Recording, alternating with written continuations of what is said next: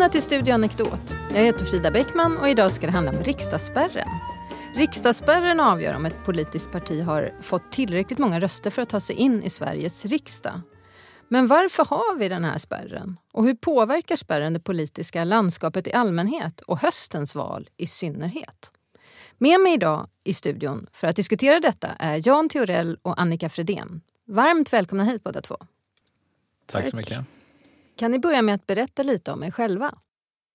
Jag heter Annika Fredén och jag är docent i statsvetenskap på Lunds universitet nu. Och jag forskar om väljarbeteende, strategisk röstning, opinion, gör mycket experiment i min forskning. Så ja, jag kan lite om lite, men ganska mycket om taktisk röstning. Strålande, tack. Och Jan, vem är du? Jag är eh, professor i statsvetenskap vid Stockholms universitet. Tidigare varit i Lund, ursprungligen från Uppsala. Ehm, och forskar om demokrati och demokratifrågor, väldigt allmänt kan man säga. Men eh, har också emellanåt kommit in på frågor som handlar om väljarbeteende. Helt perfekta gäster alltså. Tack. Annika, kan inte du börja berätta lite bara. Vad är riksdagsspärren? Ja, det vet ju faktiskt de flesta av de svenska väljarna att det är en spärr på 4% som krävs för att komma in i riksdagen. Men det är ju som sagt då att man behöver ha minst 4% av det totala antalet röster som läggs för att få ett mandat. Och då så blir det ju, om man når upp till 4% så blir det 4% av 349 så det blir fler än ett mandat. Eh, men man kan också faktiskt, det finns en regel att om man får 12 procent i en valkrets så kan man också komma in i riksdagen på det sättet. Eh, men det har så vitt jag vet aldrig hänt. Men det är en annan regel då i det svenska systemet. Så helt enkelt vill man förhindra att allt för små partier tar sig in. Men eh, Jan, hur uppstod det här med riksdagsspärren? Jo, det var så att eh, vi gjorde om vårt politiska system ganska så rejält i slutet på 60 början på 70-talet. Ehm, de flesta vet väl att vi har en ny, fick en ny grundlag 1974, men det här var faktiskt redan innan dess. Så tog vi bort vår dåvarande tvåkammarriksdag och införde en enkammarriksdag 1970. Och eh, i samband med att man gjorde det så gjorde man också om valsystemet.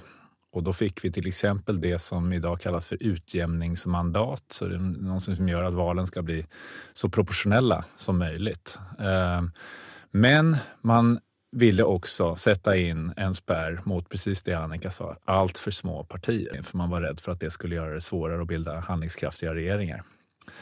Och då var det diskussioner mellan partierna var man skulle sätta den här spärren någonstans. Och skulle man förenkla lite grann så kan man kanske säga att eh, eh, man, skulle, man, man kom fram till att man skulle sätta spärren eh, precis så lågt så att Vänsterpartiet, som då hette Vänsterpartiet kommunisterna, fortfarande kunde komma in i riksdagen. Och det var ju framförallt Socialdemokraterna som ville det.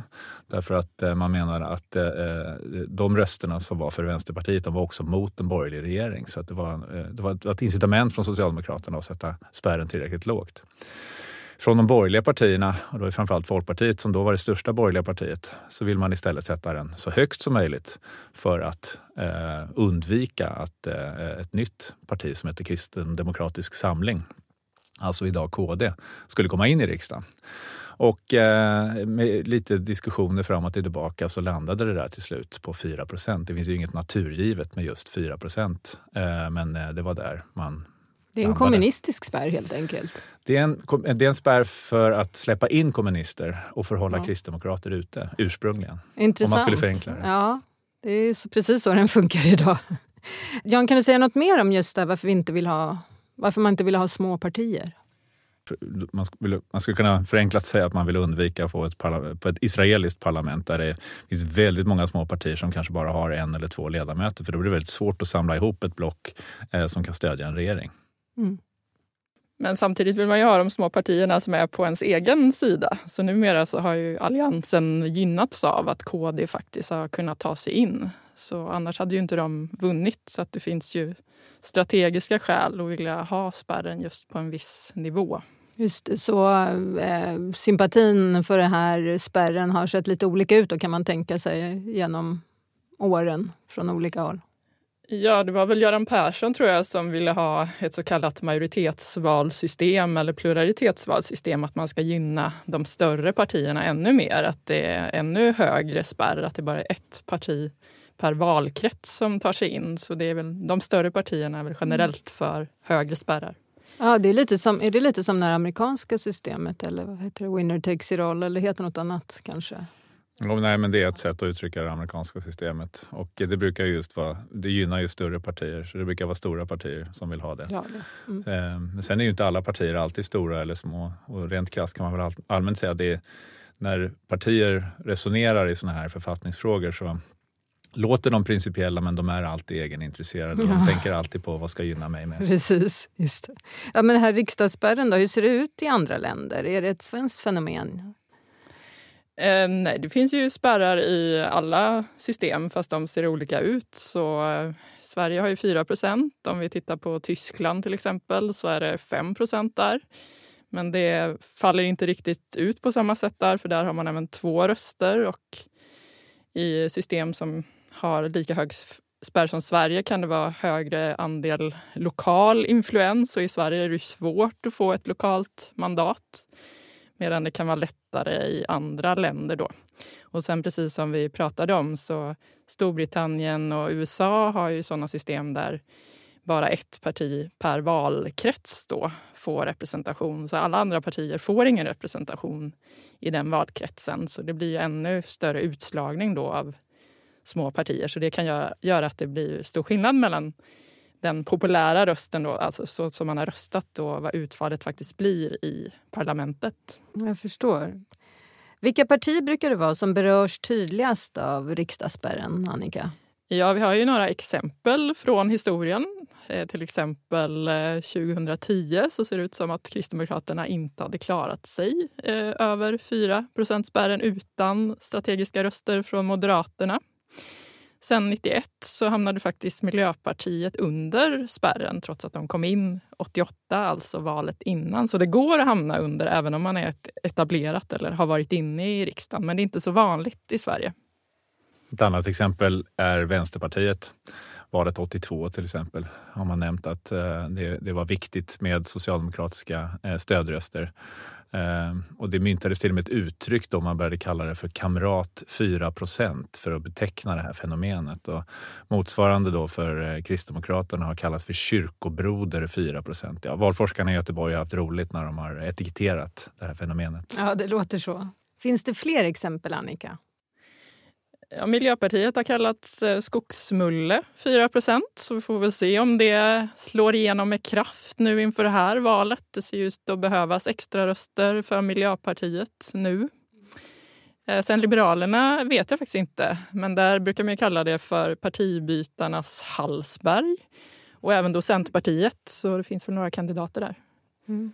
Har det uppstått några kontroverser och problem kring den här spärren på senare år, Annika?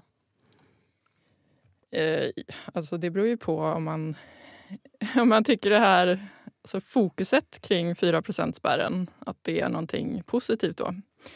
Eh, för runt valrörelserna så är det ju väldigt stort fokus. Ligger det eller det partiet över eller under 4% Och frågan är om man hade röstat på KD idag till exempel 2010 om det inte hade varit så stort fokus på spärren. Så då kan man ju tycka att ja, men de har ju egentligen inte stöd på 4% Å andra sidan så just att partierna inför vissa val, inte alla val, inte så mycket det här valet, även om de börjar formera sig, säger vilka de vill samarbeta med gör ju att man kan tänka sig att som i nuläget då, så för att vänsterblocket ska vinna, faller Miljöpartiet ur så blir det ju faktiskt en svagare ja, en grupp på den sidan.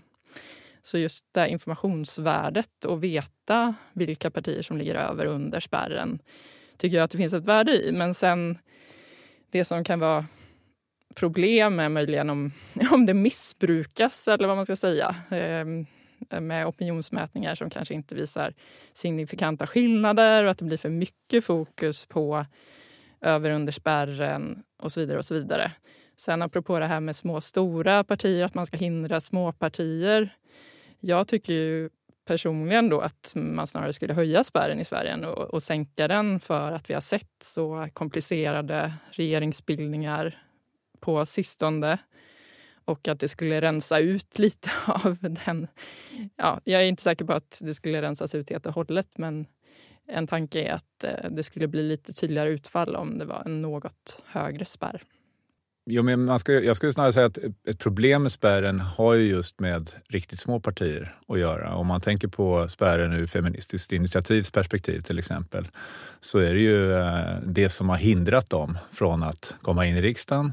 Och kommer man inte in i riksdagen då får man inte heller partistöd på den nivån i systemet. Eh, man får inte heller vara med i partiledardebatter i nästa valrörelse. Alltså, det är en, eh, en inkörsport till att få eh, inte bara då eh, inflytande i, i, i riksdagen utan också överhuvudtaget uppmärksamhet. Så på det sättet skulle man kunna säga att spärren är ju en orättvisa mot partier som hamnar under den. Eh, men det finns då, som vi har varit inne på, som Annika också säger, andra skäl som talar för att eh, eh den har en funktion och vissa skulle till och med vilja höja den. Jag skulle väl kanske inte tro att det kommer att göra så stor skillnad om vi höjer den. Eh, Tyskland har också haft ganska svåra regeringsbildningar de sista åren trots att de har 5% spärr. Eh, men eh, det finns den debatten så att säga. Jag tror egentligen inte att något parti kan ju då ha att göra med att de just har klarat spärren i regel, är direkt kritiska mot den. Vi får väl se efter höstens val om det kommer att förändras. Mm. Varför blir det svårare och svårare att bilda regering? En av anledningarna är just att vi får in fler och fler små partier. Alltså, vi får mer fragmenterade partisystem, inte bara i Sverige utan i Europa eh, som helhet. En annan anledning som är minst lika viktig också ur ett svenskt perspektiv, kanske ännu viktigare skulle jag säga, ett svenskt perspektiv, eh, det är ju att vi har fått in ett nytt parti i riksdagen, eh, Sverigedemokraterna och en ny typ av åsikter eh, har börjat klyva det politiska landskapet. Och det har gjort att de gamla gamla samarbetsformer eh, har eh, så att säga eh, inte fungerat längre och har fått stöpas om och man kanske inte riktigt har hittat sin nya plats i det här landskapet. Så att, eh, det finns flera olika saker som, eh, som förklarar detta och det här med, med att eh, man har småpartier är bara en av dem. Mm. Men eh, är, är det här också som har påverkat vilka partier som har berörts tydligast av spärren? För det har väl ändrat sig lite, Annika? Ja, det är ju det som är spännande inför det här valet. Att det är ju Liberalerna och Miljöpartiet som ligger sämst till, som det ser ut nu i alla fall. Tidigare har det varit KD i regel. Och här är det ju lite svårare att bedöma nu för att det är ett nytt läge att Liberalerna budgetsamarbetade med Socialdemokraterna men nu har de tagit ett steg åt höger igen. Medan Miljöpartiet eh, var i regering med Socialdemokraterna men nu är de mer fristående. Eh, det har jag sett i min forskning att just det där vilka man hör ihop med, det påverkar benägenheten för väljare inom det blocket att vilja rösta strategiskt. Så utifrån det så gör ju Liberalerna ett smart drag. Men frågan är om de står lika nära Moderaterna som Kristdemokraterna och Moderaterna har stått varandra de senaste valen i och med att Liberalerna ändå har samarbetat åt ett annat håll och nu går de tillbaka. Mm. Så att Finns det någon vetenskaplig definition av strategisk röstning? Eh, ja, det finns ju flera olika. Inte rösta på det parti som eh, står en närmast. Eh, och sen brukar jag i alla fall lägga till också att man ska ha en, en tanke om ett utfall, att den här rösten ska leda till någonting. Och att det här med regeringsbildning, vilka koalitioner som finns, också finns med i bilden. Så det är väl det som är det strategiska i det då, att man försöker tänka, tänka två steg framåt. Vad kommer min röst att leda till i form av regeringsbildning och i slutändan någon, någon politik som förs. Så det är ett argument för att det, det handlar inte bara om siffror utan faktiskt att man vill att ett visst sammantaget politikpaket ska gå igenom. Mm. Ni hörde Annika sucka lite snabbt där om frågan ja, om det finns en definition. Det. För att det, är så, det finns inte bara en definition utan det finns lite olika ansyn på hur man ska definiera strategisk röstning. Och en annan komponent som ofta finns med det är då att man ska också ta hänsyn till hur andra väljare röstar. Eh, så man kan ju tänka sig att man eh, eh, inte röstar på det man tycker mest om, det parti man tycker mest om. Man kan tänka sig att man röstar för att man vill ha ett visst utfall, till exempel för att man vill ha en viss statsminister. Men man har aldrig läst en opinionsundersökning. Så man har ingen aning om var partierna står. då tycker i alla fall jag det är svårt att säga att man röstar eh, taktiskt eller strategiskt. Men enligt vissa definitioner så skulle man göra det ändå. Jag, jag, jag skulle vilja lägga till den där komponenten att Eh, man eh, tar hänsyn till hur, hur, man tror att andra ska rösta. Och det är därför opinionsundersökningar eh, blir så viktiga i den här kalkylen om man ska välja att rösta taktiskt eller inte. Ja, men om man då, å ena sidan kan man rösta strategiskt just på det sättet som du just beskrev Jan. Men jag undrar också hur, hur det hänger ihop med det som Annika var inne på lite, det här med, som verkar ha att göra med någon slags identifikation. Man brukar i och för sig skilja på identifikation och politik, eller policy som det heter mer i forskningslitteraturen. Att identifikation, då röstar du på Socialdemokraterna eller Moderaterna oavsett vad de föreslår i princip. För att då är det mer att man, jag är moderat eller jag är socialdemokrat. Det finns i och för sig de som ibland går över till något annat parti, eh, men lite hårdraget ska man säga det så. Eh, men om man tänker mer på politiken så är det ju snarare idéerna än att man ser sig själv som en, en medlem eller ja, medlem, identitet av en grupp. Då. Så det, när jag tänker på strategisk röstning så är det ju lite mer det här att man vill se en viss politik än att man identifierar sig med ett block eller ett parti. Även om det inte är helt eh, skilt från varandra heller. För det finns ju vissa partier som man absolut inte kan tänka sig att rösta på. Och då röstar man inte heller taktiskt på dem. Eh, så att, ja, det, det blir inte... närmast filosofiska frågor det här. Man alltså, eh, att, vara, att rösta taktiskt, alltså att rösta på ett annat parti än det man tycker mest om därför att man vill till exempel eh, rädda kvar det i, i riksdagen. Så att man, man är egentligen moderat men man röstar på KD för att de inte ska falla ur. För att ta ett exempel. Eh, eller man röstar på ett annat parti för att eh, man är rädd för det parti man tycker mest om inte har någon chans. Så man är egentligen anhängare av Fi men man röstar på Miljöpartiet för att de har en chans att komma in i riksdagen. Det låter ju väldigt eh, kalkylerande och rationellt. Men om man är liksom noggrann där och funderar, vad spelar det egentligen för roll om just jag lägger min röst på, i det här fallet då, eh, KD eller eh, Miljöpartiet för om det ska komma in i riksdagen eller inte. Alltså, spelar det ju ingen roll alls såklart, utan man måste göra någon slags kalkyl på att det är många andra som gör precis som jag. Eh, så på det sättet ska man säga att det är nästan irrationellt och rösta taktiskt. Därför att chansen eh, för att många andra ska följa en, om man inte har någon enorm eh, social mediekanal där man liksom med namninsamlingar eller någonting har tagit reda på att många andra tänker som jag och det tror jag inte är särskilt många som har, vanliga väljare. Så på det sättet kan man säga att det också säkert finns ett någon slags, ja, vi, i forskningen brukar kalla det för, eh, man brukar skilja instrumentell från expressiv röstning. Så instrumentellt då röstar man just för att uppnå ett, visst, uppnå ett visst utfall. Expressivt då röstar man just bara för att man finner en tillfredsställelse och får uttrycka den åsikten.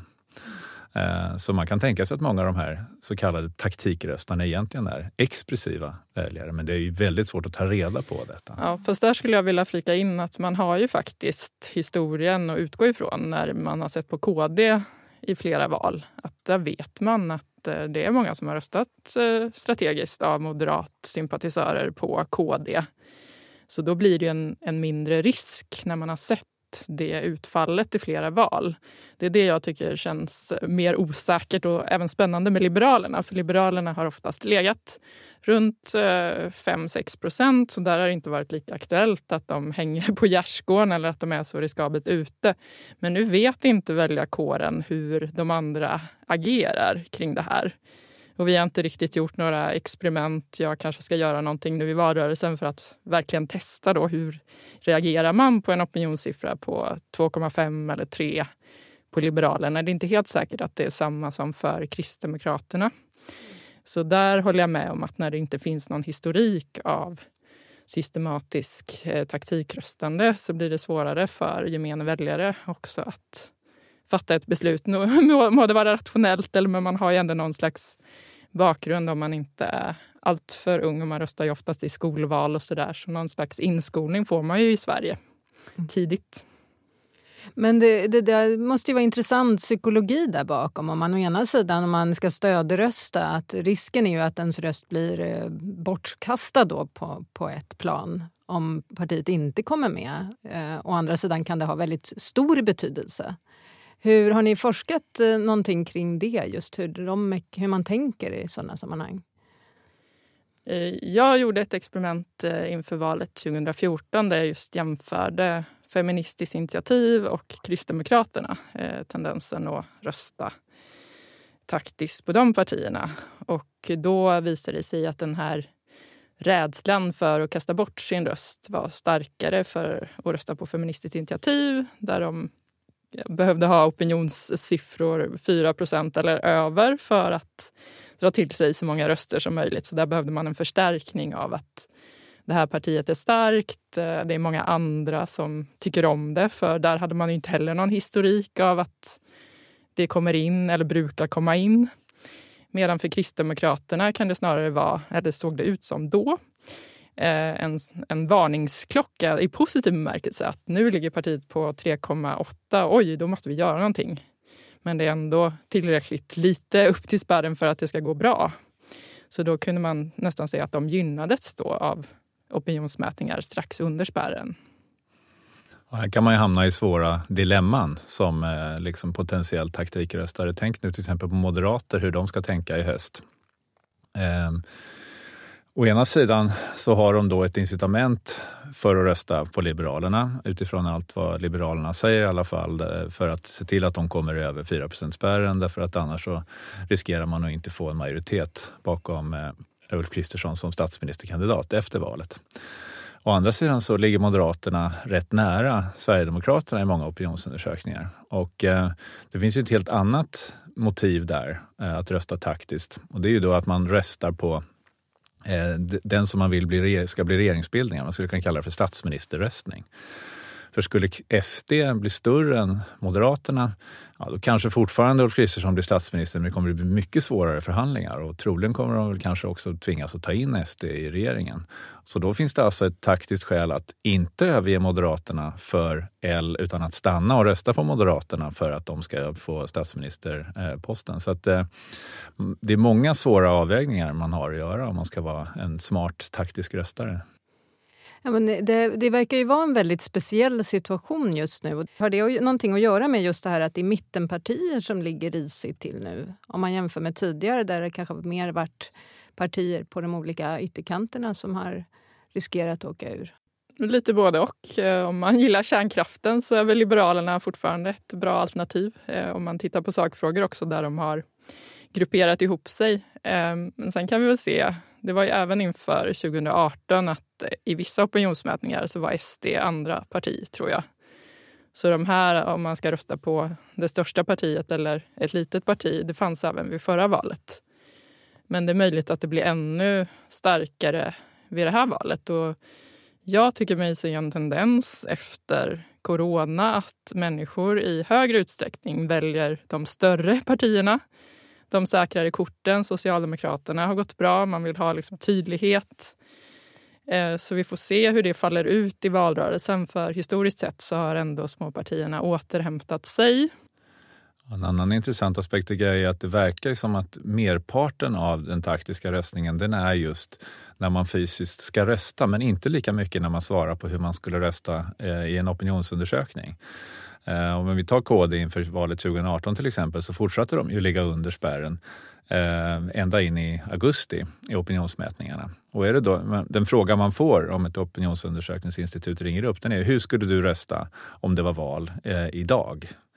Då borde ju en taktisk M-väljare, eh, även om det var april eller eh, januari, tänka att ja, men jag skulle rösta på KD för att de inte ska hamna utanför riksdagen. Men, men det är först i augusti, sista eh, kanske sex veckorna egentligen före valet som KD får det här ordentliga tillskottet av, av röster. Och det är inte bara taktikväljare såklart.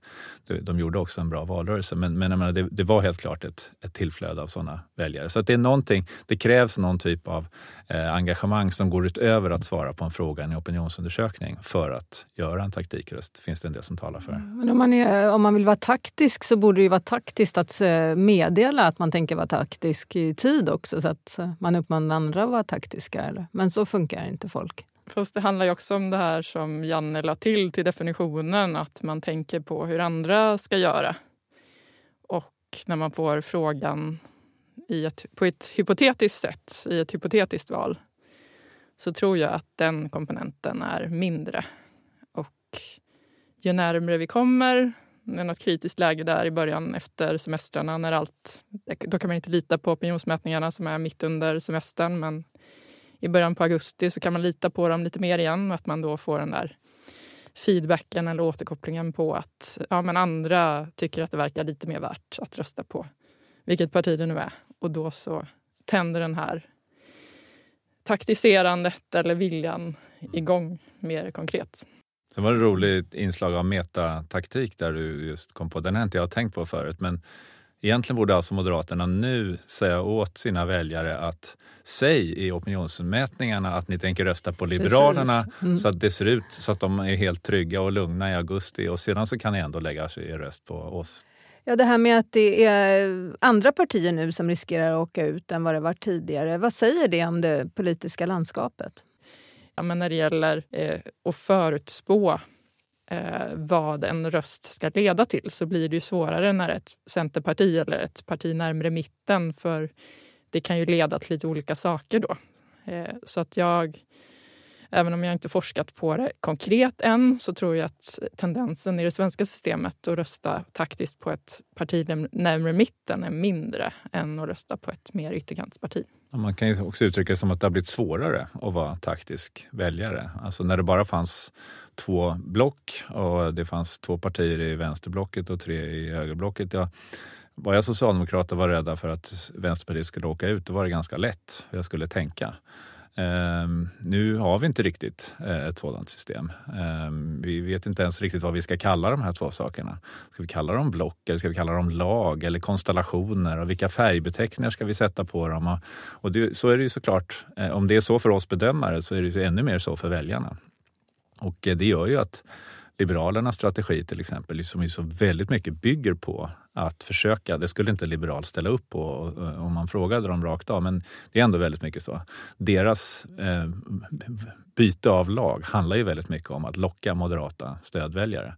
Eh, det är en riskabel strategi. Mm.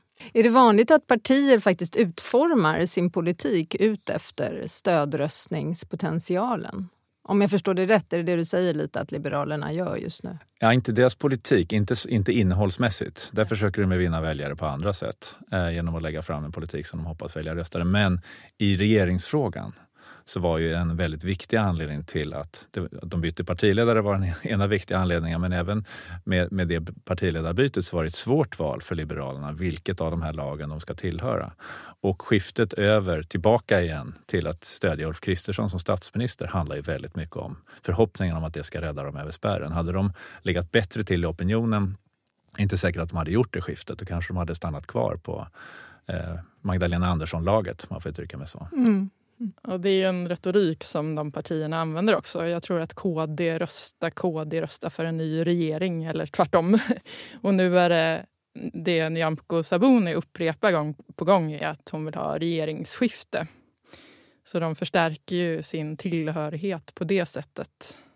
Ja, så man kan se också hur partier hur de formulerar sig. Att ja. de liksom positionerar sig, väljer lag lite på det sättet. Smart. Finns det några mätningar på hur många som stödröstar och så? Eller det kanske inte går att mäta? Ja, det är svårt att mäta exakt. Eh, man brukar ju se att ungefär 15 procent röstar på ett annat parti än det som står dem närmast om man frågar i Göteborgs valundersökning eller som institutets. Mm. Vad skulle hända om alla, om alla röstade från hjärtat? Ja, som det ser ut just idag då, om vi, eh, nu vet vi inte om det finns taktiska ehm, röster även i opinionsmätningarna. Men eh, om det inte gör det, utan att de alla faktiskt eh, svarar utifrån det parti de tycker mest om, ja då skulle vi gå från ett partisystem med åtta till sex partier efter nästa val. Ja, det är så. Därför att både Miljöpartiet och Liberalerna hamnar konsekvent, och om man tittar på genomsnitt i flera opinionsundersökningar, så hamnar de konsekvent under spärren. Men det är ju såklart ett halvår kvar till valet, så det, det, kan ju förändras. Även utan taktiska röster kan det förändras. Mm. Vad tror ni om eh, riksdagsspärrens framtid? Kommer det se ut så här för alltid eller eh, finns det på kartan? Finns det diskussioner om Att den borde ändras? Eller? Nej, det gör väl inte det, Janne. Och det är väldigt trögt att ändra. Mig veterligen gör det inte det. Sen får vi väl se om, eh, om det blir fortsatt komplicerat med regeringsbildning. Och det finns ju andra sätt att, att förändra också. Nu så jag senast någonting som jag och Janne har jobbat med hur valsedlarna ser ut. Att man vill ha en lista med alla partier på samma valsedel. Vi vet inte om det skulle påverka utfallet, men det finns ju Eh, andra sätt som också möjligtvis skulle... Det är ju inte spärren i sig, men, men just att eh, hur man tänker kring partierna i relation till varandra. För det handlar ju också om det. Att nu så eh, systemet som det ser ut premierar olika färger, olika symboler. Så där, mer att man kanske ser en helhet. Fast nu är andra sidan svenskarna rätt bra på att kolla på nyheter och opinionsmätningar och sådär. Men det blir inte lättare att välja parti. Så kanske något behöver göras för att det ska bli lite lättare. Nej, där tror jag, jag delar Annikas uppfattning där. Fortsätter vi att få långa komplicerade regeringsbildningar och eh, om de också visar sig få negativa effekter på folks förtroende för systemet och man kan koppla det till eh, att vi har för många partier i riksdagen Eh, då kanske det kommer kunna bildas ett opinionstryck eh, för att höja spärren. Ehm, Å andra sidan, om både L och MP nu i höst får 3,99 procent eh, väljare, så är nästan får 8 procent väljare som inte får en representant i riksdagen. Eh, då kanske det kommer ett annat opinionstryck som talar för att det här är ett orättvist system som vi borde ändra och kanske sänka spärren. Men det senare tror jag är mindre sannolikt. Mm. Så än så länge är riksdagsspärren här för att eh, stanna och frågan är om eh, mittenpartierna är det eller inte. Tack så mycket för att ni kom hit, Annika och Jan. Tack så mycket. Tack. Och tack alla ni som har lyssnat där hemma. Vi är tillbaka med ett nytt avsnitt om en månad.